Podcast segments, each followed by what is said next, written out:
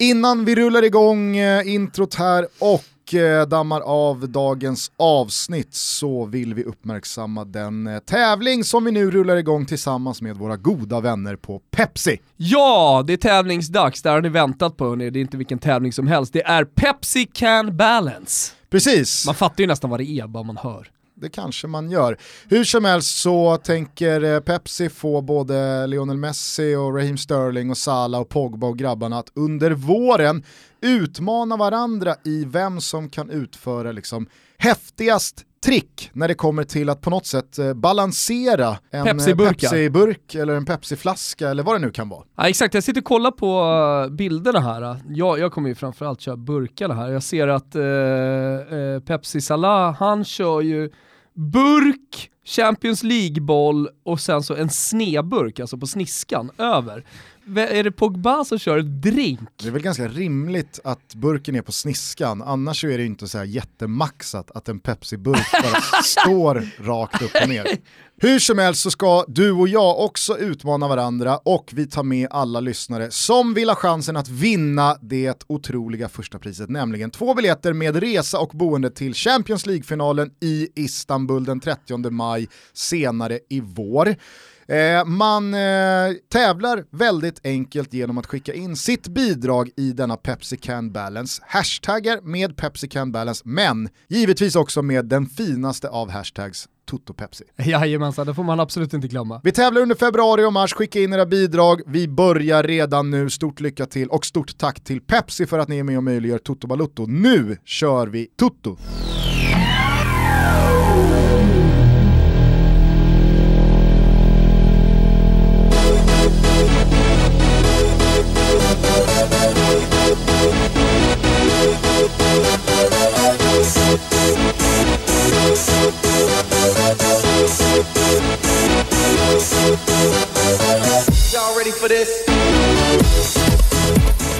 Varmt välkomna ska ni vara till eh, Toto Balutto. Det är fredag den 21 februari och Thomas Wilbacher har precis konstaterat att det är meteorologisk vår. Mm. Det är ju det. Ja, och vårtecknen står ju som spön i backen. Champions League är tillbaka. Champions League är tillbaka, Svenska Kuppens gruppspel drar igång. Mm. Alltså, det är fint stäm i bäcken nu. Det är det. Och så nästa vecka så ska vi dra till England och Frankrike och titta på Champions League, vi också. Ja, det ska bli skitkul. Alltså, jag har ju en stökig vecka framför mig med att jag ska upp till Dalarna och Leksand och Siljansnäs och åka skidor. Och sen ska jag åka därifrån då eh, till Arlanda och sen eh, till eh, London och tåg till Lyon och tillbaka tillsammans med Europa runt. Det ska bli skitkul om du bara ska liksom, futuristiskt ta med lyssnarna på hur konversationen med någon Juventino på onsdag kan låta, hur låter det då när du berättar för honom att imorgon så ska jag till Leksand i Dalarna och åka lite skidor? Eh, domani mi sveglio presto per andare in Dalarna a Leksand per sciare. Sciare, sì, ma come sciare? Alexan. Men de har ju berg utanför, eh, de har ju berg utanför eh, Alltså Turin, det är ju nära till, till Alperna. Mm. Eh, Delle Alpi. Hur, hur, hur, står sig eh, Stenmark-aktien i norra, i norra Italien runt Alperna? Äh, alltså är, är det fortfarande liksom så här... Självklart. Han åker till Madonna di Campiglio, så som man brukar säga om fotbollsspelare, man betalar inte notan. Han åker till Madonna di Campiglio utan att betala notan såklart. Det är han och Bomba la Tomba, Tomba, Tomba! Men är det Zlatan och Stenmark? Alltså... Ah, nu pratar vi ju nu pratar vi Madonna di Campillo, vi pratar Val d'Aosta och vi pratar Sydtirol. Ja, ja. Det är klart att, I Neapel liksom, så, är det inte jättemycket I Neapel Ingemar. pratar man inte Ingemar Stenmark, det är ingen jävel. Det är ju det som är spännande med italienska, den italienska halvön, höll på att säga, den apenninska halvön, att det, det, är så jävla stor skillnad. Därför var det så kul när man eh, då sökte OS och tävlade mot Stockholm, så hade man gjort en undersökning som man pratar om var viktig när man i slutändan vann det, att man liksom hade folkets stöd, så var det ju, kunde man då presentera att man hade folkets stöd. Men när man vet att italienarna har gjort den där undersökningen, den är ju inte gjord på Sicilien, för de skiter fullständigt i något jävla vinter-OS som kostar en massa pengar uppe i norra Italien. Ja.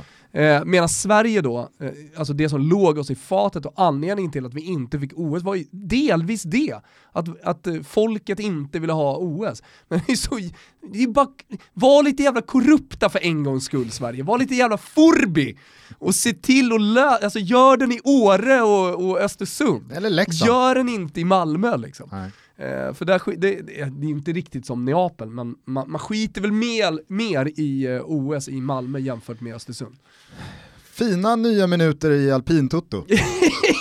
Vinner mark. Goa fina alpintutto. Ja, Hörni, Juventus eh, får vi komma tillbaka till vad gäller Champions League nästa vecka då, när vi drar ner på kontinenten. Nu tänker jag att vi ska blicka lite i backspegeln eh, och eh, ta ett svep genom de senaste Europadagarna. Det lät som att du lite sådär nästan småromantiskt och, och storytellande skulle säga nu ska vi blicka tillbaka i backspegeln till 80-talet. Och då fick jag lite Ingmar Stenmark-vibbar. Men det är bara några dagar tillbaka, det känns ju som att det är en hel evighet sedan vi spelade Champions League-fotboll i tisdags, men det ska vi snacka om nu. Yes! Ja, Guggis! I tisdags var Champions League tillbaka och det med den äran. Stolta hålet hittade målet och ett hungrigt Dortmund sprang sönder PSG och vann första halvlek hemma på Västfallen med rättvisa 2-1. Nu håller spelmarknaden tyskarna som knappa favoriter till avancemanget. Mm, hör och öppna. Så det är nog bäst att Tompa Tuchel karvar fram en bättre prestation än senast om han tänkt att behålla jobbet till augusti. Samtidigt nere på den iberiska halvön hade Cholo Simeone mycket riktigt pumpat upp sitt atletet till max och med brösten utskjutna kastade sig de rödvitrandiga över de regerande mästarna. Alissons nolla sprack redan efter tre minuter, Morata borde utökat ledningen och Liverpool lämnade Wanda Metropolitano utan ett enda skott på mål. Men du, det var ett jävla gnäll på Pool va? Domarinsatsen var tydligen den sämsta i historien. Klopp fördömde spanjorernas försök att provocera fram ett rött på Mané och en allmän jävla bitterhet genomsyrade nederlaget. Är man världshistoriens bästa lag så kanske det är läge att knipa, visa klassen och sluta böla.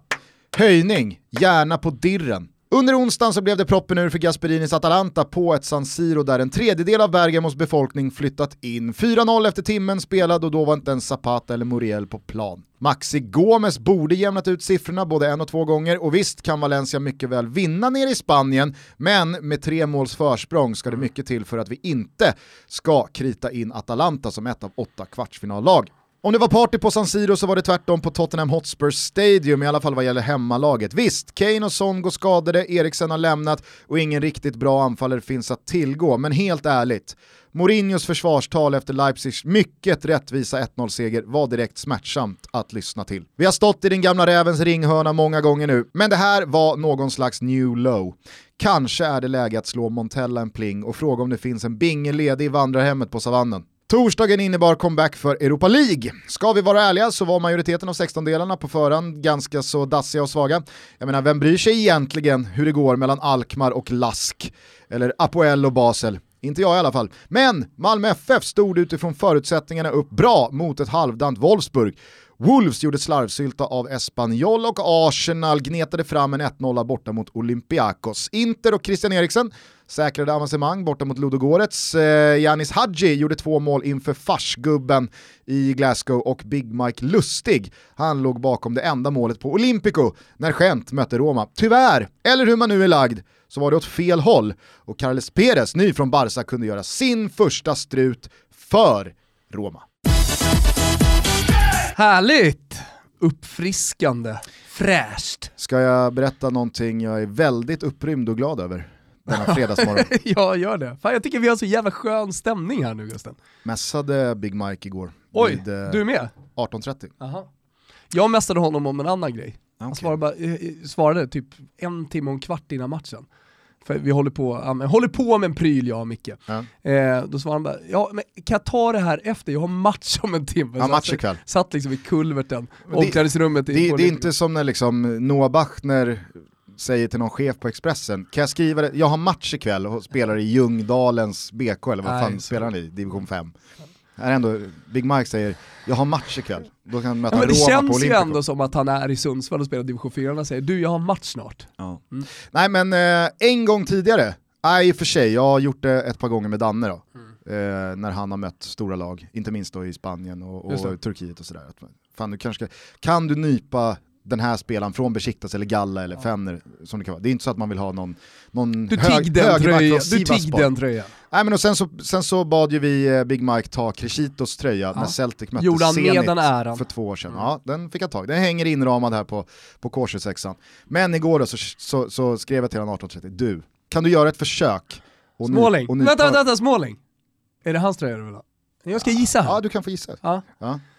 Smaldini tog jag som tredje, tredje alternativ. Okej, det var tredje alternativ. Ja men då tänker jag att Dzeko ligger högt upp. Verkligen inte. Nej men då, eh, Kolarov. Ja. Ja, etta. Jag sa Kolarov eller Pellegrini. Ja. Någon av dem, Men topp. är ju, det, det är ju någonting med Lazio innan. Och Jag vet, är, men- Och vi har pratat om honom. Men jag har alltid, till och med när han var i Lazio, Mm. så har det varit, jag har haft en soft spot för Kolarov. Okej. Sen gick han till Manchester City och redan där så blev han, alltså så här, då kunde jag ta honom till hjärtat till 100% för att han är så jävla fin. Han har sånt oerhört nyp i sin vänsterdoja. Han har ju liksom den perfekta looken. Han har ju någon gång under sin karriär, alltså även om det bara varit för någon vecka, varit världens bästa vänsterback. Ja, absolut. Mm. absolut. Och sen så har han, du vet så här, det är ju ganska många fotbollsspelare som har gått bort sig lookmässigt vad gäller tatueringar. Alltså man har blåst på för mycket, man har inte vetat när det ska, när, när, när det är nog. Enough is enough. Ja. Kolarov, han har ju liksom dubbla sleeves på ett, alltså han ser ju ut, han ser ut att sitta trippla livstidsstraff Mm. på något fängelse i USA. Hur gick det då? Jo men och då så, så sa det till Mick, eh, att liksom, fan, jag, det vore supersjukt. Och då sa han, du hade inte ens behövt fråga, jag hade redan tänkt att göra det åt dig. Det blev jag väldigt glad över. Härligt. Eh, och då sa, eh, då sa han, vem vill du ha? Vill du ha Smoldini? Och då sa jag, god trea, men om du kan Kolarov eller Pellegrini. Sen blev Va, det Pel- varför Pellegrini? Det är bara för att du gillar honom. Ja, att, jag, alltså men vad här- ska tröjan? Ska den hem till dig eller ska den till Vi får väl se. K26? Nej, Men Kan den, vi den göra gör sig litet- bättre här. Ja, det tycker jag Den gör sig bättre här. Nej men alltså Lorenzo Pellegrini är ju, i synnerhet här nu efter eh, Florensis exit också till Valencia, det, det är ju liksom... Det den- närmsta man kommer en bandiera i Roma just nu. Och jag tror faktiskt att han kan komma att bli kvar i Roma under en lång tid och bli, han är inte där än, men han kan komma att bli en, en, en lagkapten, en eh, liksom, ja, en ny, Mm. kanske inte Totti, men han kan bli det Florenzi aldrig blev, Mm. tror jag. Mm. Nej men säkerligen. Och så Kolarov då, ja men, ja, softspotten har jag redan berättat. Och han löste Kolarov. Kul! Så att eh, det är jag väldigt, väldigt Jag glad tänker över. att vi återkommer till, eh, kanske inte just den matchen, Micke fick 5,5 i betyg, han gjorde en bra match men han var lite inblandad där ja, i målet ju såklart. Ja, Så att snacka han med honom efteråt också, de var besvikna. De Förstår jag. Ja, alltså Roma var riktigt dåliga. Ja. Riktigt, riktigt dåliga. Eh, men det var, det var skämt också. Det var, det, var en, det var en riktig pissmatch. Ja, det var många matcher igår som inte var så här dunder. Nej. Trötta i Europa League. Men, eh, jag tänkte bara, vi tar oss tillbaka till Atalanta kort. Mm. Eh, vi har fått ett mail här eh, från Jocke Elofsson. Han och polarna är lite på hugget kring Atalanta. De tycker att det är roligt, jag förstår att det är många som tycker att det är kul med, med Atalanta, men, men de är liksom inte Papagomes. De är inte Dovan Zapata, Morial, det man pratar om. Ilicic snackar man ju såklart mycket om nu. Utan eh, de är liksom inne på de här fyra musketörerna på mittfältet. Eh, och eh, har då, alltså spaningar, jag vet inte vad man ska kalla det, men, men när man skickat in printscreens och så bett liksom dig och mig att fundera på de här fyra musketörerna, vad de heter. Jag vet inte om du liksom så på rak arm, jag vill inte göra det till någon tävling, men jag kan skicka ut det lite så här medan vi pratar om det till våra lyssnare. Mm. De fyra musketörerna. Vilka är de fyra musketörerna som gör det möjligt, skulle jag vilja säga, för eh, Ilicic och Gomes och gänget att liksom bara flyga fram i, i anfallet? Nu, nu blir jag ju lite osäker, men visst, alltså så här, egentligen så är det väl tre musketörer? Eh, beror på lite hur man ser på det. Jo men Just alltså så här, i- storyn är de tre musketörerna. De- Det är väl inte fyra musketörer? Fyra musketörer. De tre musketörerna. ja, du har nog rätt där. Det är väl tre musketörer, Vi går ju alltid bort oss när vi hamnar här Ja. och går på magkänsla. är, är D'Artagnan en av musketörerna? Han blir Eller är den det fjärde. tre Ja, men musketörer är inte och tre- D'Artagnan? Ja, jag tror det. Jag tror att de är fyra med, med honom. Det var länge sedan jag såg de här filmerna. Nytappningen gillade man ju inte så jättemycket. Men skitsamma! Eh, han har sen då skickat med Prince Creams på den anonyma kvartetten. Och det roliga i det hela, lyssna här nu. det är eh, hur, förutom då att de har anonyma namn, Kommer, kommer säg någon liksom. Jo men alltså, det är inte, alltså, de är ju anonyma men namnen är bra, typ Deron. Jo, eh, exakt, Deron. Ja. Det är bra namn men de är, det är ändå rätt anonyma namn. Mm. Eh, det är deras, deras utseende hyfsat lika. Ja. Kan du liksom, tänk på Deron, och så tänker du på någon annan där. Han skriver så här i alla fall, skicka med printscreens på den anonyma kvartetten och det roliga i det hela är även hur anonymt deras utseende är, hyfsat lika varandra är de också. Eh, att de är ungefär lika gamla, Eh, och att vikt och längd inte skiljer särskilt mycket åt. Men också att de kommer från ungefär samma delar av världen. Eh, det tycker de är mysigt, tycker jag, tycker jag också är mysigt. Då tar vi de här då, ni som sitter och funderar på vad de heter. Hans Hattebor. Hatteboer, Hattebor. Han är alltså 26 bast från Holland, 1,82 lång. Du har Remo Freuler från Schweiz, mm. centraleuropeiskt, 1,81 lång, eh, 27 bast. Så har du Martin Deron som du nämnde, 1,85, han är från Holland också. Och sen har du Robin Gosens. Många har ju sett honom i, i målprotokollet här på slutet. Ruskigt så anonym spelare, 25 bast, från Tyskland. Eh, men, men liksom, Hans Hattebor, Remo Freuler, Martin Deron och Robin Gosens. Ungefär lika långa, ungefär, eh, ser ungefär likadana ut, jävligt anonyma namn men är de fyra musketörerna i Atalanta. Och sen så har vi då Pasalic, vet vad det, vet, som, vet, som inte fyra... är en, han är ju D'Artagnan.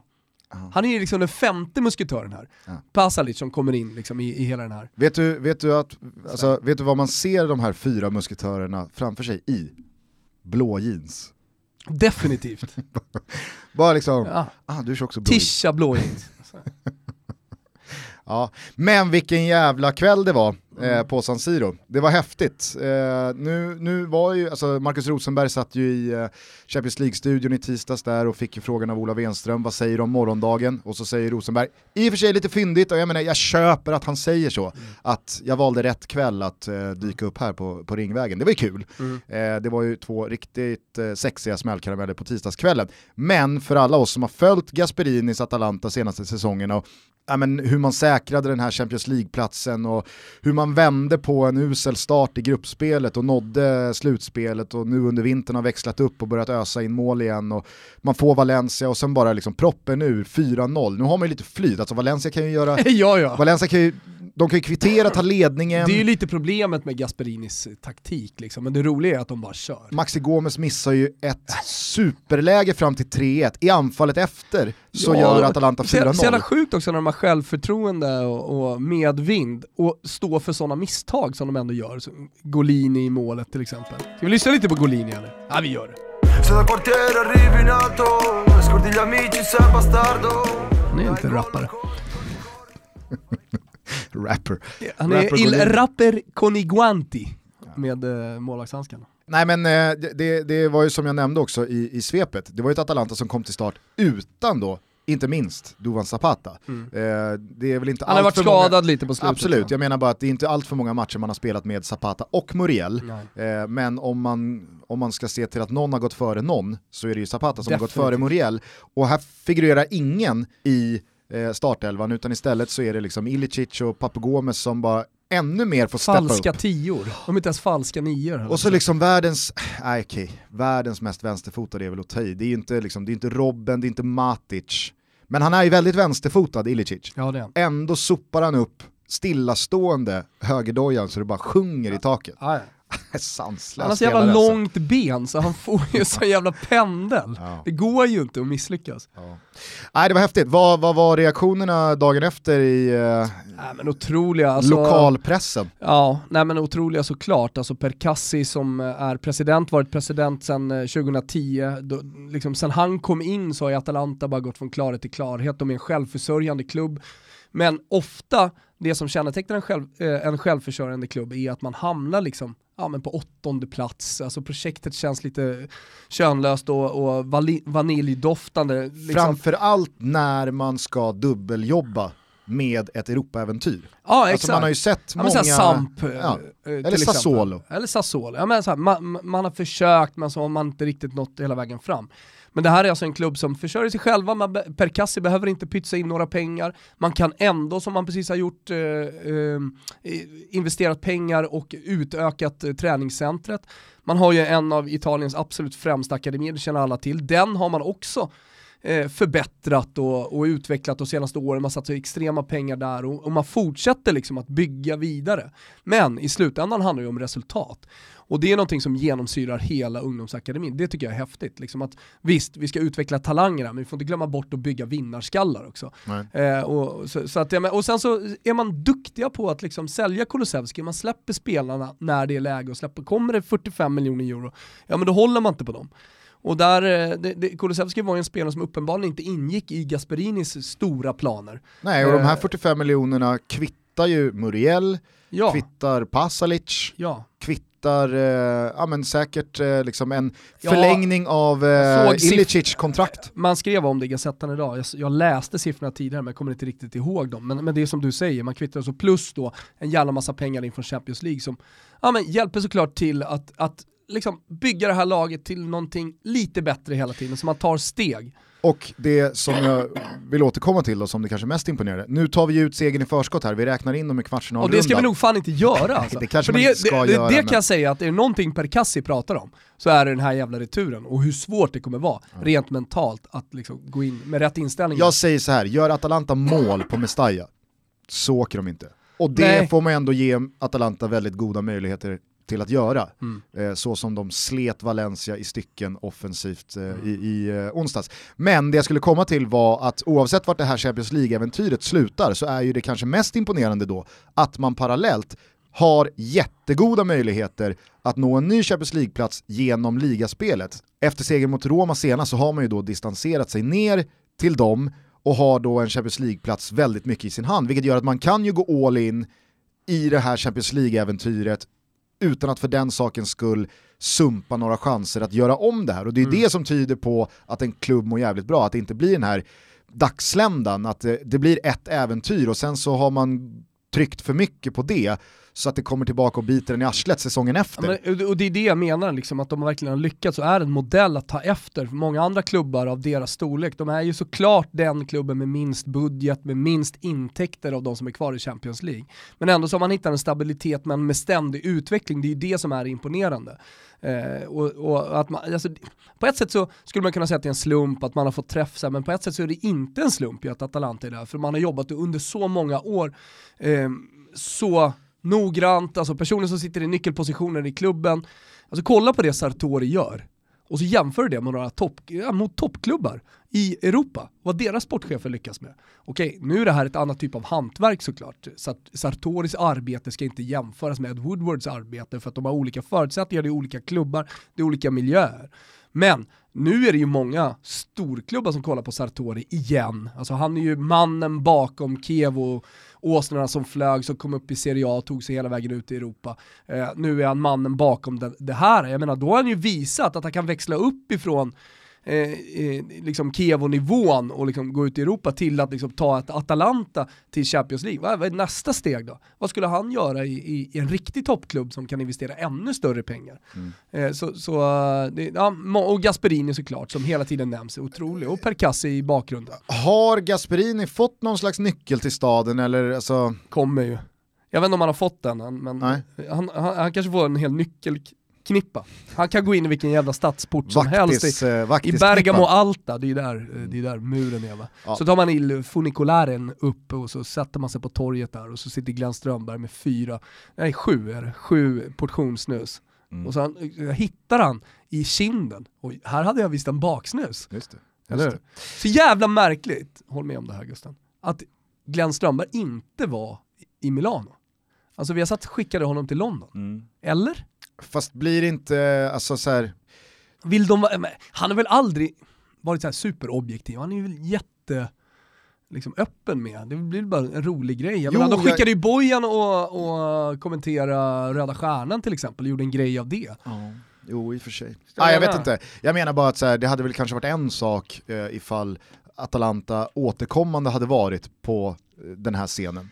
Nu, är, nu, alltså så här, nu kanske det hade blivit lite för mycket hejaklass, alltså det hade blivit Glenn Hysén när Blåvitt var ute på 90-talet. var det Eller, dåligt Det ska fan Glenn Hysén ha, ja. han var ju exakt lika positiv till Gnaget. Så minns jag det i alla fall. Alltså vet du vad jag saknar från Glenn Hyséns Sen var han ju ruskigt positiv till Liverpool. ja det var Mina matchens lirare, det är tre från Liverpool. Det var precis dit jag skulle komma. Kanske, alltså, de kanske saknar- ligger under, men eh, det är skitsamma. Gerard! Det jag saknar för Glenn Hyppje! senaste. Det, hyppje. Owen!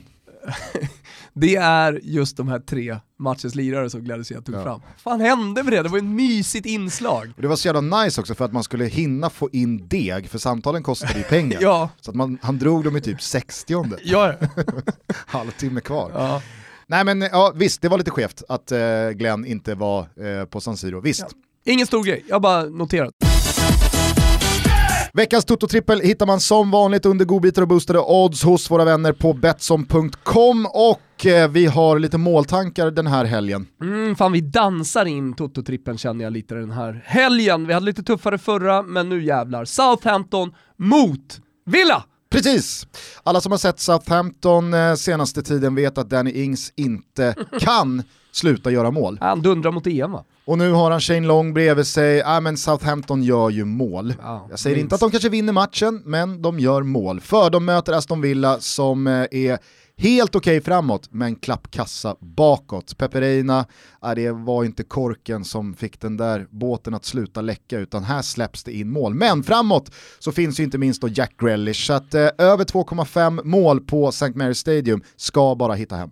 Vi kommer tillbaka till eh, Premier League alldeles strax, men jag vill bara göra ett snabbt nedslag i Italien, där Genoa har fått lite vind i seglen. Har du sett det eller? Mm. Nicola, Ja, Nicola har kommit in, eh, man vann 3-0 borta mot Bologna senast, man har spelare i form, till exempel. En spelare som man har i form, vem är det? Gugge Pandev. Ja, exakt. Gugge Pandev. Sen har väl Sebban Eriksson klivit in och höjt moralen i Ja, ja, omklädningsrummet. ja, ja, det är dundermoral numera när han är tillbaka. Crescito gjorde mål på straff. Mimmo, vår gubbe. Eller är det vår gubbe? Jag vet inte. Hur som helst. eh, Någon, men, någon slags komplicerad relation har vi till honom. ja, men nu möter man Lazio. Fått blir- igång eh, Sanabria också va? Ja, Sanabria, han var bra senast Mm. mot Bologna, han var bäst på plan. Eh, det, det jag vill komma till att det här blir en öppen match, alltså vin, vind i seglen pratar vi om. Äh, men det är ett Genoa som tror på det, som har Marassi i ryggen, Och som samtidigt som, behöver Lazio- vinna. Ja, som behöver vinna, de är nere i bottenstriden, de nöjer sig inte med ett kryss hemma. Och eh, Lazio då som jagar eh, scudetton.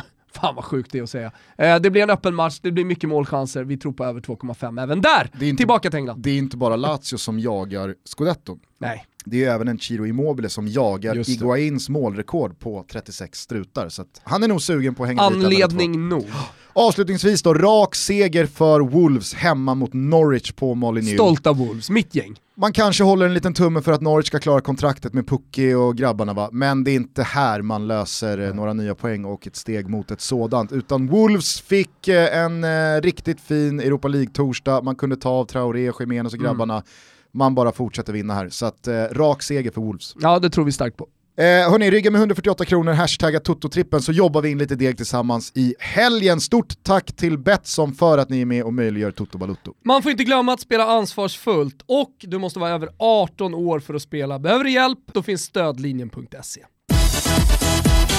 Jag skulle bara säga det, vi har ju hyllat Atalanta en hel del senaste tiden, Eh, men jag tycker ändå det är på sin plats att återigen då göra efter en sån Ja. här match. Alltså man vinner ändå med 4-1 mot Valencia i en Champions League åttondel när man för första gången är där. På samma sätt då så kanske vi återigen bara ska lyfta på hatten för Getafe, som gör lite samma sak fast ett pinnhål ner, alltså då menar jag Europa League kontra Champions League. Nu slår man Ajax i första mötet, alltså Champions League-semifinalisten Ajax, de har inte ett enda skott på mål, man vinner med 2-0 solklart. Tränare Bordalas är ju liksom mannen på alla släppar. Och vad gör man? Jo, man dubbeljobbar parallellt i La Liga och har tredjeplatsen i sin hand eh, och har jätteförutsättningar för att återigen då ja, men, landa i Europaspel nästa säsong. Så att eh, Getafe och Atalanta, det går inte nog att hylla dem.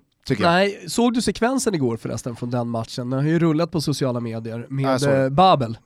Ja, eh, men även, det var ju två, eh, spelaren som gör 1-0 va?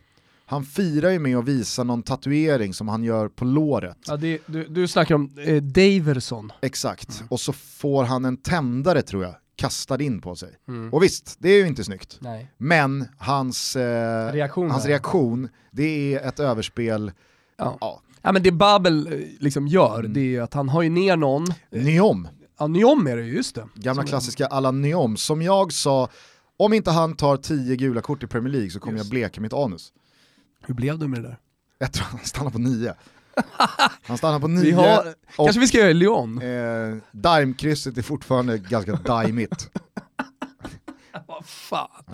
Eh, hur som helst, det som händer, ni som inte har sett det, vi kan lägga ut det, det, det är att eh, han är på bakhasorna på Neom som ramlar, det är inget stort våld, han får inte ont, det ser man ju, det är ingen, det är ingen dundersmäll. Men han ligger och vrider och vänder sig i gräset. Det eh, Ryan, Ryan, Ryan Babel gör, det är att han härmar honom. Ja. Så han, han, Han lägger sig två meter bredvid och gör samma sak. Ja, gör samma sak och så visar man sig, lägg, lägg av med det där. Och sen när Neom ställer sig upp och haltar så haltar Ja. Babel en och en halv meter bredvid, gör samma sak. Liksom. För att jag tycker att det är bra. Jag Jag, vet hur lite jag träffade dig. Yes! Jag, jag vet Mm. att du inte kan ha så här ont. Nej. Så att så här, löjlig, så här löjlig kommer jag nu göra dig. Jag tycker, jag tycker att det är en rimlig och bra reaktion. Men på samma sätt så tycker jag också att det är rimligt och fullt förståeligt att spelare spelar över för att få andra spelare antingen varnade eller utvisade. Jag nämnde det i svepet här, hur Atletico Madrid-spelarna verkligen, verkligen försökte få Sadio Mané utvisad. Och då kan man säga så här, osportsligt, det är osnyggt, Klopp står efteråt och säger att han gillar inte sånt. Nej, men det är så fotbollen ser ut. Jo, det är du har ju regler och sen så får du anpassa dig efter det. Exakt. Kan du, kan du då liksom, ja, dra fördel Mm. på Nu- ett, eh, alltså så här, det är, Sadio Mané får ett fullt rimligt gult kort Ja. och sen är han uppe med en armbåge i nästa ja. duell och han är där och kladdar och då känner ju liksom Atletico Madrid-spelarna, de, de, de känner ju vittring av att Såklart. nu kan vi få ut honom. Och sen är det ju ett snyggt och, och jävligt liksom bossigt motdrag av Klopp att ta ut honom i paus, bara av den Faktiskt. anledningen.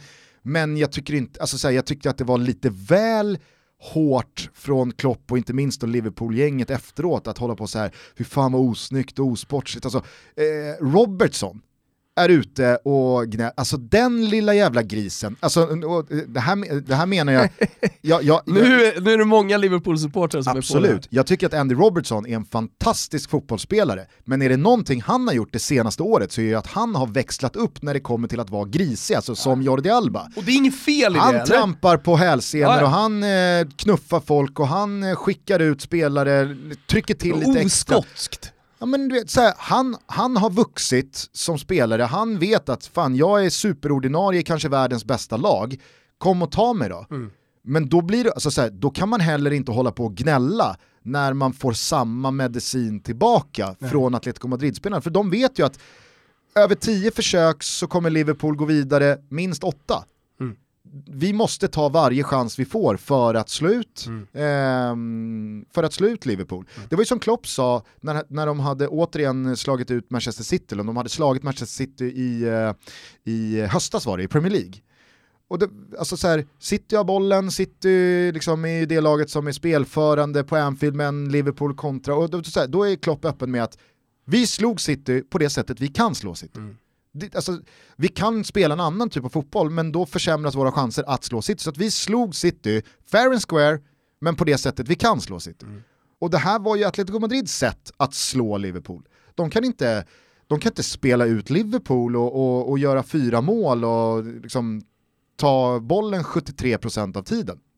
Utan det är liksom, vinn varenda duell, försök få varenda fördel ni kan, tryck in en fast situation och spring tills ni stupar. Kriga, kriga, kriga. Var riktiga Men det är jävla någonting vi har blodiglar. lärt oss de senaste åren, senaste decenniet, liksom efter att den tyska 4-2-3-1 fotbollen tog över och allt skulle vara, ja men det var ju under tiden, Spanien var så bra och Barcelona eh, verkligen körde sin tiki-taka fullt ut med under Pep, Tom, under Pep Guardiola.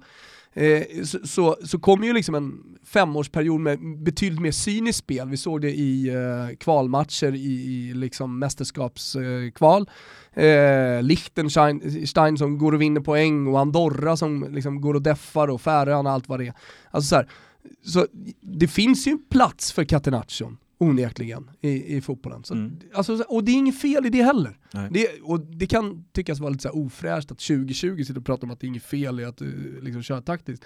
Men man måste ju påminna uppenbarligen folk om det, tycker jag. Och så vill jag, jag vill bara undersöka det här till Robertson, alltså, det är ju för att han själv spelar så. Ja. Det är som en Jordi Alba. Mm. När Jordi Alba går ut och gnäller på någon liksom, domarinsats att de borde ha fått någon utvisad eller den här spelaren körde med fula trick, ja, men då blir det bara löjligt för att han håller på mest av alla. Hade Andres Iniesta däremot efter matchen sagt Nej men det, det, var, det var riktigt grisigt där ute, de gick över gränsen. Då kan du ju nicka med på ett mer sympatiskt sätt. Ja, Iniesta, han, han, spelar, fan, han spelar med rent mjöl i påsen själv. Ja men då får du ju också gnälla lite om man köper det.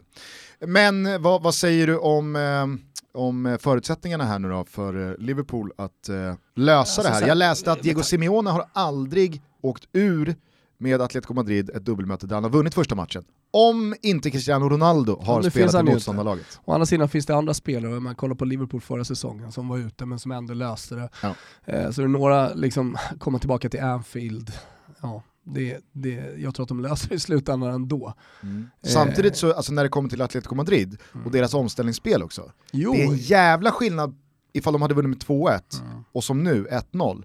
För en Atletico Madrid-kasse, det. det är ju Det är tre mål för Liverpool. då. Exakt, och alltså, mycket kan man säga om klasskillnaden mellan Liverpool och Atletico Madrid. Men det är inte bara att göra tre mål Men, på Simeones det, det, Atletico det, är Madrid. det jag också tycker är så jävla starkt med Klopps nya Liverpool. Liksom det som har blivit det utvecklade 2.0 Liverpool eh, och liksom Klopps sätt att liksom ställa upp sitt lag och sätt att spela fotboll, oavsett vad det är för matcher, är att de kan vara så otroligt eh, strukturerade och otroligt så här, följa matchplanen till 100%. Eh, Eh, och då är man ganska stabil. Alltså, det känns inte som att Liverpool eh, hamnar i tidsnöd eller får dåligt tålamod. Sådär.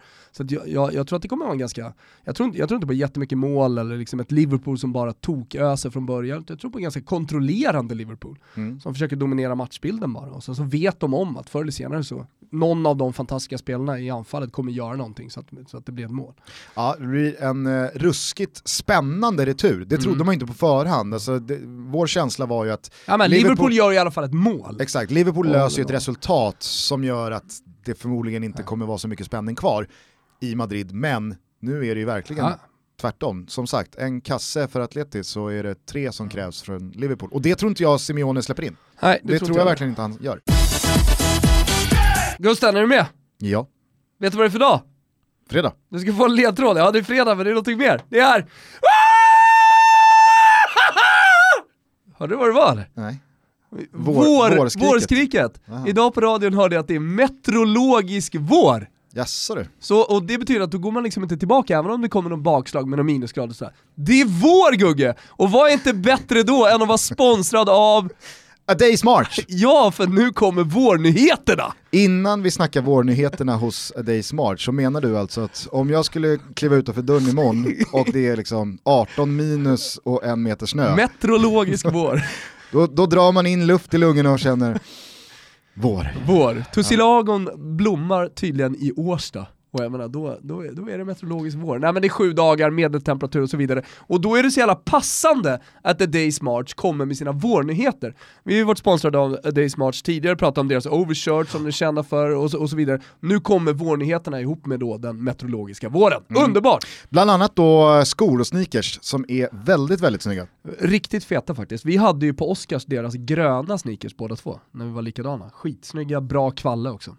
För er som inte vet vad A Day's March är för gäng eller för typ av kläder så tycker du och jag att det är värt att påminna lyssnarna om att A Day's March det handlar om hög kvalitet till bättre priser eftersom det inte finns några återförsäljare eller mellanhänder. A Day's March gör enkla, okomplicerade plagg med en design som håller länge. Två saker här som jag tycker är viktigt att säga. Kvaliteten, otrolig. Jag har några merinoullgrejer, jag har lite kashmir eh, och sådär. Alltså priset man betalar för den kvaliteten man får är faktiskt otrolig. Och när jag står framför spegeln i min overshirt så känner jag att den här är inte på väg out of style. Nej. Den här kommer jag kunna ha i år, nästa år, Ja. förmodligen ett par år till efter det också. Hörni, gå in på adaysmarch.com. För er som skippade engelska lektionerna i skolan så är det alltså a days march, M-A-R-C-H.com. Och väl där så kan man fylla upp en fin varukorg och sen klicka i koden TUTTO. Då får man 15% rabatt. Det här gäller både online och i butik. Butiken, för alla er som eh, rör er runt Stockholm, ligger på Kungsgatan, ner mot Stureplan. Ja precis, nästan nere på Stureplan. Då kan man då gå in, jag ska göra det lite senare idag, och eh, plocka ihop sina kläder, vårnyheter, eller hur? Mm. Och sen eh, bara säga Toto i kassan så får man 15%. Och för alla som inte vill ta sig till Stureplan eh, och Kungsgatan så påminner vi om att det finns butiker i Mall of Scandinavia, på Nytorget, Göteborg, Köpenhamn och London dit man alltså kan gå och säga Toto Balotto så får man 15% rabatt. Hur bra är inte det? Yes, vi säger stort tack till A Days March för att ni är med och möjliggör Toto Balotto. Stort tack. Eh, håller du med oddsättarna då om att Dortmund nu har blivit favoriter till avancemanget mot PSG? Ja, det går ju faktiskt inte att säga emot oddsättarna. Eh, jag tycker också att de är favoriter. Däremot så är det ju en öppen match. Eh, och återigen så är det ett eh, starkt lag, ett av de bästa om man bara kollar på pappret, som vänder hem och ska möta Dortmund i Paris. Mm. Så det, det är klart att det är stor skillnad. Och här är det ju också en skillnad finns ju väldigt mycket att ta ut också av eh, PSG om man jämför med liksom första mötet. Alltså de, har, de, har, de har en stor prestation i sig tror jag i den här returen. Eh, jag, jag sa ju det här att det, det är ju stor skillnad på att lämna bortamötet med ett gjort mål och inget gjort mål. Mm. Alltså, Dortmund kan göra ett mål men PSG behöver fortfarande bara göra två för att ta det till förlängning. Så att en uddamålsseger så länge det inte är med, Mm. med två Dortmund-mål tar ju, tar ju PSG minst till förlängning.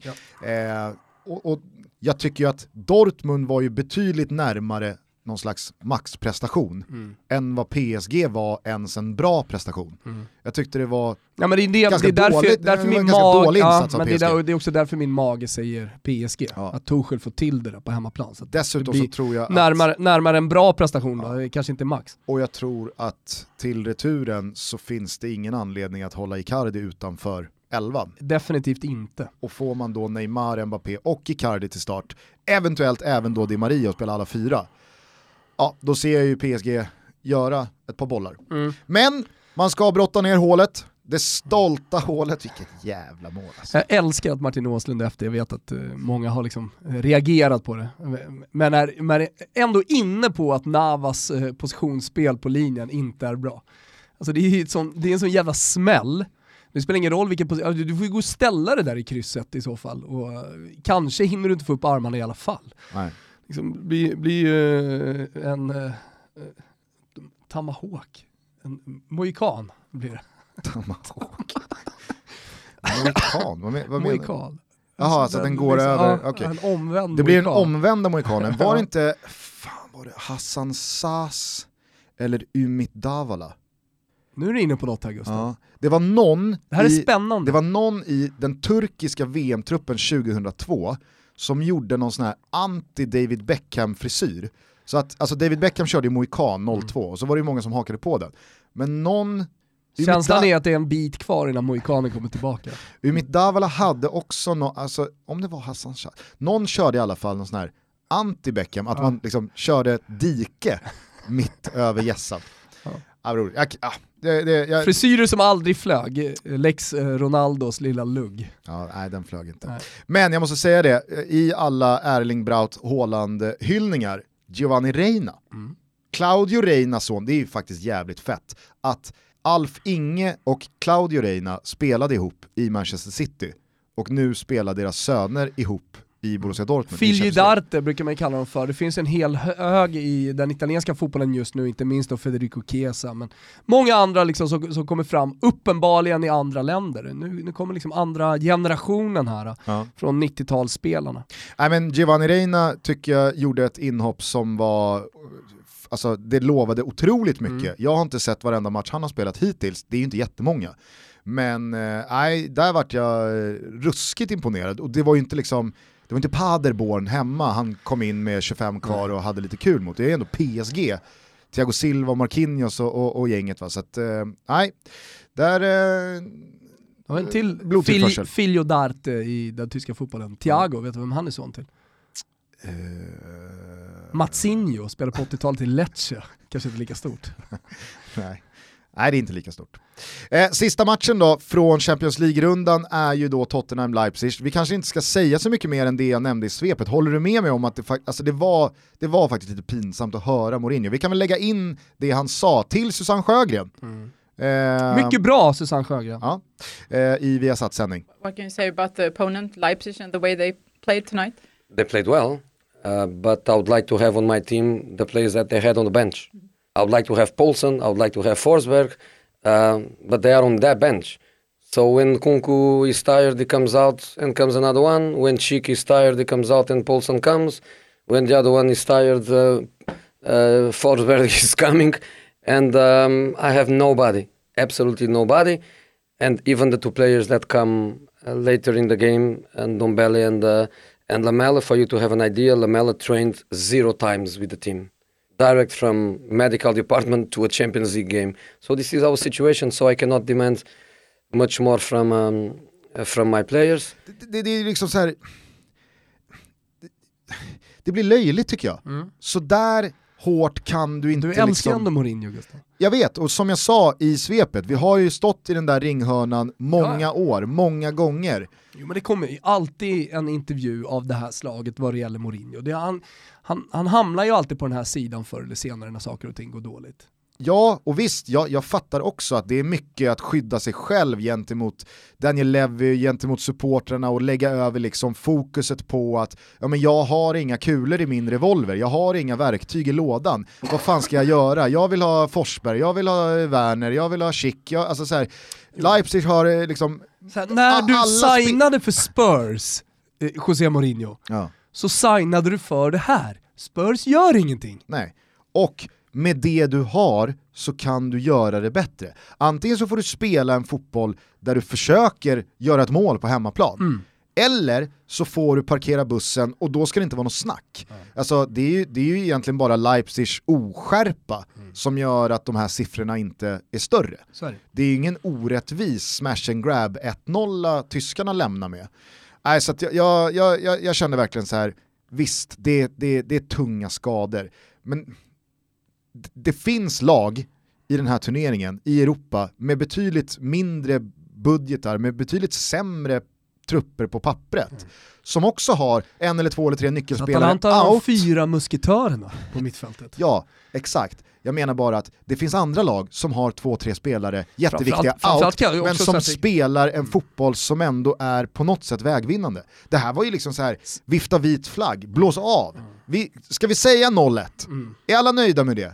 För då, då, då tar vi det. Här har du, här har du kardan Julian, här har du hummen. Men i, i samma mening så ska det ju sägas att det är för jävla dåligt skött av Spurs, liksom, när man har de skadorna som man har, att inte hantera det under, janu- under januarimarknaden. Ja. Eller? Ja absolut, och där var ju Alltså, så här, José, man, man är ju extremt sköra med sån. ja och då är ju inte en sån en anfall, alltså det är ju inte Eh. en Kane-konkurrent. Eh, sen var det ju väldigt mycket snack om William José från Real Sociedad, det blev ingenting. Eh, det, det pratades lite, vem fan var det som nämndes eh, till Spurs? Eh, var det Slimani? Ja det var det. Mm. Det var, det. Det var en Eh. sån här uh, deadline day. Jag pratade faktiskt med eh, en eh, polare om det här på gymmet för några dagar sedan och vi kom fram till varför, Varför står du och pratar på gymmet? Du är där för att träna. nej men det här var ju bastun. Oh, I bastun? Ja, var det i bastun? Ja. Det är ett av få ord jag säger med norrländskt påbrå. Ja, ja. Mormor och morfar, farmor och farfar och bastu. Ja. Hur som, vi kom fram till då varför lös, alltså när det inte blev någonting med Atletico Madrid, varför löste inte Tottenham så att Cavani fick lämna PSG och gå på ett halvårs lån eller bara ett korttidskontrakt hos Tottenham? Win, win, win för alla parter. PSG Men blir jag tror av PSG är väl de som stänger den dörren. för att Det var ju som eh, Tuchel sa, det finns värre grejer än att vara kvar i PSG, för att han vill ha alternativ. Om Själv. de ska, alltså precis Jo men det, de har ju, han alltså, gör ju är det någonting Tuchel har Ja, så är det alternativ. Jo, jag vet, men han vill inte lämna någonting åt slumpen. Han vill ha ett nummer 9-alternativ. Ja men han har ju det. Nej, han har Icardi. Sen har han Choupo-Moting. Ja. Sen har han liksom, han kan spela Sarabia, Ja, ja. han kan Jo, spela han kan Mbappé han centralt, kan han kan... Om man har hur mycket pengar som helst, varför ska man då göra truppen sämre? Det är så de, det är, det är så de eh, resonerar de här klubbarna med hur mycket jävla pengar som helst. Vi landade i alla fall i att det Hur som hade så är de ju en uppenbarligen intresserade så löser man ingenting. Att PSG släpper Cavani som inte får spela där och vill givetvis lämna. Han kanske inte vill signa upp för två och ett halvt år i regniga London, utan han vill ju såklart, ska han stanna i Europa så blir det runt Medelhavet. Men uppenbarligen så blev det ingenting med Atletico Madrid, där finns Morata, där finns Joao Felix, eh, Diego Costa är tillbaka från skada och så vidare. Nej men det kanske inte passar nu. Men Tottenham då? Noll konkurrens, kvar i Champions League. Men han ville ju gå. Exakt, men det, så, så där, det hade varit sånt jävla topp-move för alla inblandade. Ja. Tottenham hade fått Även det bästa, the best there is Mm. Att ersätta med. Han hade fått spela Champions League-fotboll, PSG hade blivit av med en spelare de ändå inte använder. Ja, nej, mycket märkligt. Mm. Men eh, det, var, det var sorgligt tycker jag att höra Mourinho efteråt. Det var, det var så här, skärp dig Ja, fan. men jag håller med. Lite Du, värdighet. Va? avslutningsvis, det har ju varit eh, eh, Mackan-vecka. Ja. Eh, du har sett dokumentären, alla hyllar den, Mackan är en fantastisk person. Schnitzel Han till eh, skaparen Nils Byrfors. Ja, han har fått mycket, mycket cred och det ska han ha såklart. Ja. Eh, men, Mackan-vecka, sen var han med via studion och sen så i då eh, Europa League-sändningen så pratar man väldigt mycket om då arvet efter eh, Mackan, eh, det han var på planen, men framförallt det kanske han var i omklädningsrummet, det han var för gruppen, att ah, han fick alla att tro och eh, att ha mod och en vinnarskalle, han var hela Malmö liksom nerkokat, en liten essens av Malmö eh, på planen i omklädningsrummet. Alltså så här, kan vi släppa Mackan nu? Eller? Kan han få göra sin paddel? Ja men det, det blir lite så här, men Malmö måste gå vidare från Mackan, alltså jag säger det i all välmening. Absolut, men jag menar i fjol, 2019, Jo men nu sitter, så vi, pratar nu, man nu sitter vi och fortfarande... dreglar Ja, till den här säger- fantastiska dokumentären och så står vi i en förstudio och pratar, spelarna får frågor, ja hur är det nu egentligen utan Mackan? Mm. Och under matchen så sitter man och tänker, ja vad hade hänt om Mackan var där då? Jo men så här, vi måste släppa honom nu. Å andra sidan, alltså, så sent som i fjol hörde jag folk fortfarande prata om Elfsborg, post Anders Svensson. Alltså, det... Jo, men det kan vi ju prata om sen. Ja, men absolut, jag menar bara att vissa spelare är så extremt stora hörnstenar. Ja, men jag tycker bara att, Att hela de den här veckan när det var liksom 5000 Malmö-supportrar i Tyskland, eh, fet match, en 16-delsfinal, ja, men då, då liksom hamnade allting i skuggan av dokumentären och hans insats i Viasat som var två plus! Alltså jag såg folk Ja, som det så här, var det. Alltså Det så här, var det. jag, älskar, jag tycker han är skön, jag, jag sitter gärna och kollar på honom i en studio för att han är, han är liksom, eh, han är inte tillrättalagd utan han är bara Mackan Mm. när han sitter där. Jag tycker det kan vara lite fräscht eh, gentemot då tv-vana som man annars ser liksom. Eh, Man kan, ju säga, man kan också säga så här att han ger ett djup. eh, manegen var ju krattad från dagen innan. Alltså det var, det var ju en tacksam gästexpert att ersätta. Vadå? Eh, Hamrén satt ju där under måndagskvällen. vänta, vänta, vänta. Jag missade ju hela det här med Hamrén, men jag vet att du var på det. Det var några uttal som inte flög. Det var ja, några analyser. Mäktigast var ju när han, alltså han, hade, han, han, hade liksom, han hade hamnat snett på Shaw Ja. så många gånger att till slut så bytte han bara till Luke. Eh, Luke. Det är ju Maguire, eh, Victor och Luke. Det är en bra treback. Ja. Eh, Det nej, var ett haveri eller? alltså jag, vill inte vara, jag, jag, jag vill inte vara för liksom så här slashig, men det var många märkliga stunder Ja. när dels Ola Wenström och dels Erik Niva ställer frågor som Hamrén liksom inte svarar på. Jag, jag tror att han försöker svara på dem, jag vet inte. Men det, det, är så här, det som kommer ur Hamréns mun är så Mm. långt ifrån ett svar, och det, då är det inte någon sån här politikersvar, sarg ut, jag svarar någonting som låter som ett svar. Det blir men lite märkligt. han, det han bytte bara liksom, det, var- det var så här, vad är klockan? Eh, lila. Ja, jag förstår. Vi, behöver inte stanna vid Hamrén, det, det, var, det var en eh, intressant insats. Ja, jag säger bara att såg man de här två studierna dagen efter varandra Mm. Så tror jag att Marcus Rosenberg, det var ett plus extra på Rosenbergs betyg jag bara för att Men, men håll med med mig om att liksom så här, eh, analyserna, om man nu, om man nu liksom tar bort att det var Mackan, tunga Mackan som satt, alltså om vi tar bort analyserna och allting sånt där, eh, så, så var det ju en 2 plus-insats. Och framförallt så vet man ju att Marcus Rosenberg ska, kommer ju inte sitta i en massa studios, han, han, han har andra saker att göra. Mm. Han kommer inte åka upp till Stockholm, han ska vara i Malmö, det finns ingen studio där att sitta i. Eh, eller? nej, Nej. nej. så är det ju. Nej, jag såg att Noah skrev till exempel att ah, man vill se mera Mackan. Alltså, jag vill inte se så jävla mycket mera Mackan. Jag vill se sett- dokumentären, jag kan se den tre gånger. Och har man sett dokumentären så hör man ju också Rosenberg säga att så här, men, d- d- uppmärksamheten Ja. för den man är, det är ingenting jag kommer sakna. För jag, Nej, och det, har man ju fattat när han Ja. gick upp med Ponne, ställde sig inför klacken, Ja. drog någon ramsa, eh, drog någon ramsa, drog ramsan Ponne kom hem, kom hem och så tar han över. Och eh, Ponne berättade ju för oss, det gjorde han väl i Toto, eh, om liksom, Mackans ord efter hur skönt det var när Ponne tog den där megafonen och liksom löste honom Ja. från uppmärksamheten lite grann. Exakt, och det är det jag menar att för att liksom bli bra i studiosammanhang, då ska man ju också vilja sitta där med kameror på det, med folk som tittar på det, med folk som bedömer det och så vidare. Och där tror jag inte Rosenberg är. Sen Sen, var han ju vass, det var ju vassa sekunder när han fick frågan om Zlatan och statyn. där Och- är han ju vass. Liksom, så Återigen det. liksom så här riktig jävla rak höger, Ja, ja, utan att liksom så här låta... Utan att eh, låta rösten Ja. skena iväg. Eller att det låter som att nu överdriver du. Ja exakt, precis. precis. Eh, nej, alltså, allt sånt där sköter han galant. Han har bra time, skö- men, men, men liksom, vi behöver inte hylla allt. Alltså experten Marcus Rosenberg, ja det är två plus. Alltså så här, göra rit, inte det han tänker göra, han sitter där för att han är Mackan. Och det tycker jag är coolt. Mm. Det är skitbra, men nu måste Malmö gå vidare Mm. och ta den här returen. 2-1, torsk, slarvigt tycker jag, när Ja. man har ledningen. Nej, men som jag sa i svepet, utifrån förutsättningarna, och då pratar jag om alltså att Wolfsburg är mitt i säsong, Ja, ja. Man, eh, man, liksom, man ligger mitt i eh, Bundesliga-tabellen och alla fattar ju såklart att det är helt andra spelarbudgetar och så vidare och så vidare. Malmö kommer från träningsmatcher, man kommer från 8-0 mot Syrianskas typ juniorers kusiner. Eh, så det, det, det, det, det är helt olika förutsättningar när man väl kliver ut på plan. Jag tycker att Jon Thomasson ställer ju liksom en, en modig elva på benen, eh, men som jag också nämnde i svepet, det var ju inte ett Wolfsburg där man kände att så här, "Uff, här prickar de högsta nivån, här lägger de i full gas. Men två grejer jag tycker att liksom, man kan ta med sig är ett, Jon Dahl Tomassons kroppsspråk och reaktion på 1-0. Alltså när Kiese rullar in straffen och man tar ledningen borta mot Wolfsburg så vet man ju att okej, om, man, om vi inte klappar igenom fullständigt här så innebär det här målet att vi har säkrat ett resultat som kommer göra så att den här matchen lever i allra högsta grad till returen nästa vecka på hemmaplan. Man har gett sig själva bra förutsättningar att gå vidare.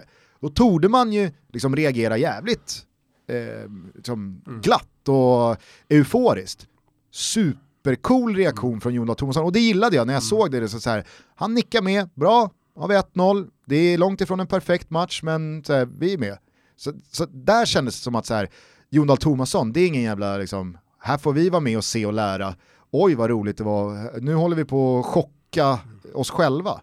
Men att släppa in 1-1 så slarvigt direkt efteråt, Direkt ja. det är alarmerande när det kommer till liksom cynism. det tror jag också, så här, det är någonting de lär sig av. Alltså, du pratar om att det är tidigt på säsongen, de har spelat lite träningsmatcher, de håller på att få ordning på det. Det där, kan, det, det där målet kommer de nog lära sig mycket av. Fast, fast ett sånt mindset köper jag inte ha någonting så här, när på året. Alltså, Nej men jag menar bara, det jag Spelarna- menar är ju att så här, nu hade de det mindsetet, nu, de är ju fullt medvetna om att shit, så där kan vi inte hålla på. nej, Så de lär sig till nästa match. absolut, jag säger bara att det är ingen ursäkt, just den grejen. Ja, att man är inte. tidigt på säsongen eller att man har kommit Nej. från träningsmatcher. Man vet att okej, nu har vi precis gjort 1-0 borta mot Wolfsburg. Mm. De här första 3, 4, 5 minuterna, ingen skit här nu. Det ska man, det, det, mitt i semestern, Och det är det jag menar, nästa gång så, gör, så är det ingen skit. Nej, Man är i alla fall ett steg närmare för man lär sig av sina fel. Enkelt. Nej, men jag skulle också bara säga det att visst, det fanns lite slarvfel här och där. Det gjorde det verkligen, man behöver inte strössla med 5 plus och oj oj oj. Men jag tycker att Anel Ahmed Hodzic, mittbacken bredvid Rasmus Bengtsson, där finns potential. Definitivt. Och Adil Nalic då, då som går in bredvid hur man nu vill vrida och vända på det i offensiv eller defensiv riktning, Kiese visar ju också mycket. Sen så är ju båda unga, båda är lite valpiga, det görs eh, lite märkliga aktioner, man tar lite felbeslut sådär. Men jag tycker att det är coolt att när det nu är liksom Rösler out, nu ska vi satsa ungt och nytt och det är strategin. Att Tomasson inte backar för det Nej. direkt. Exakt, och sen ska det bli helt eh, kul att se returen och se vilken karaktär Malmö FF har på Malmö stad. Man vet ju hur det såg ut under Ove Rösler, alltså när man kom hem, när man spelade på Malmö stadion så var det liksom en helt annan. Här skulle man åka och deffa, man fick med sig ett bortamål, det är inget då, det är bra resultat. Om man tänker och väger in alltihopa. Eh, och vad, vad är det då för Malmö? För att jag, jag lägger ju extremt lite vikt som du vet vid träningsmatcher. Eh, och många var oroliga efter att ha sett Malmö då i, i träningsmatcherna. Man visste inte riktigt vad man hade dem alltihopa sådär. Men här, här ser man ändå ett hyfsat stabilt Malmö borta mot Wolfsburg. Men vad är det då för Malmö som kommer hem? Mm.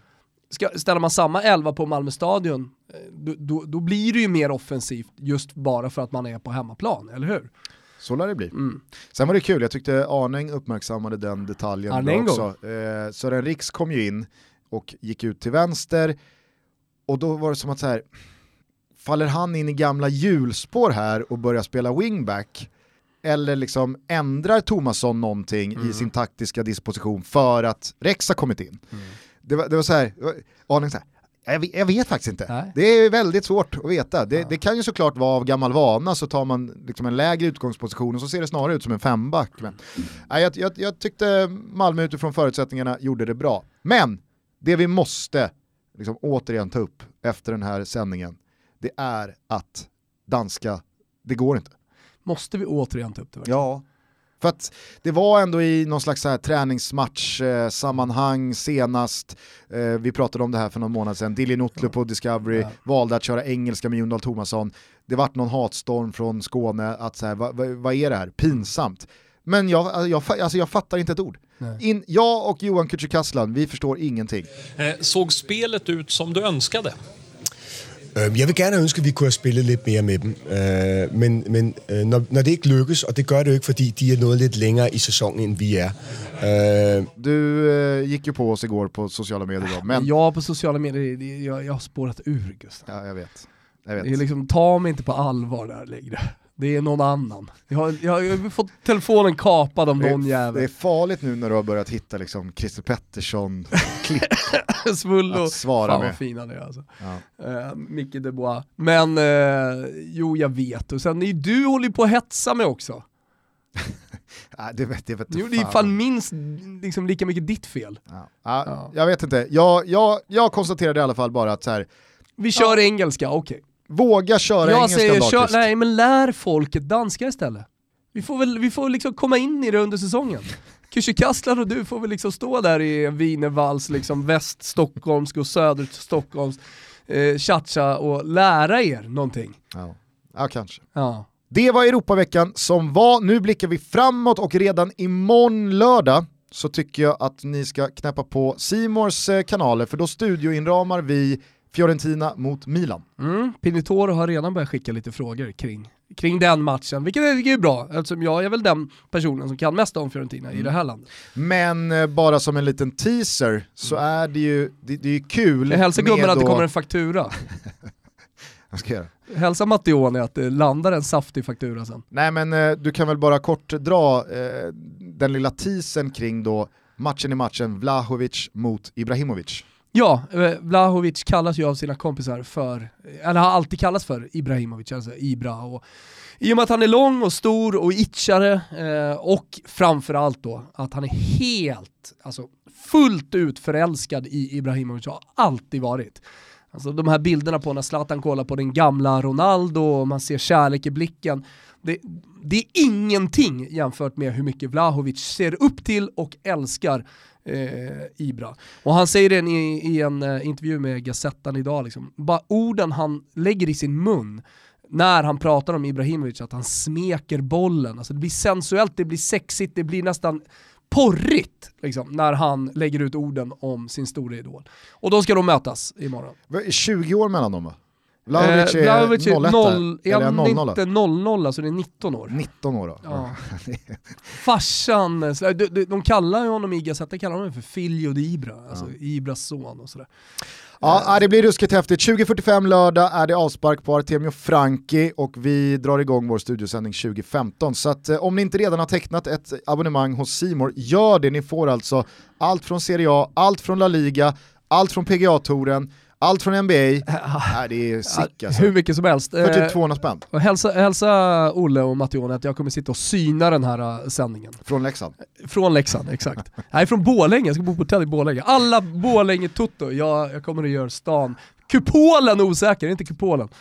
Eh, du, jävla helg har vi se fram emot. Och så nästa vecka då Gusten, måndag, måndagstoto kan ni se fram emot precis som vanligt. Och sen så någonstans på ett tåg i Europa rullar torsdagstoto när vi har varit på Stamford Bridge och ska till Lyon och kolla på fotboll. Toto on rail. Så är det.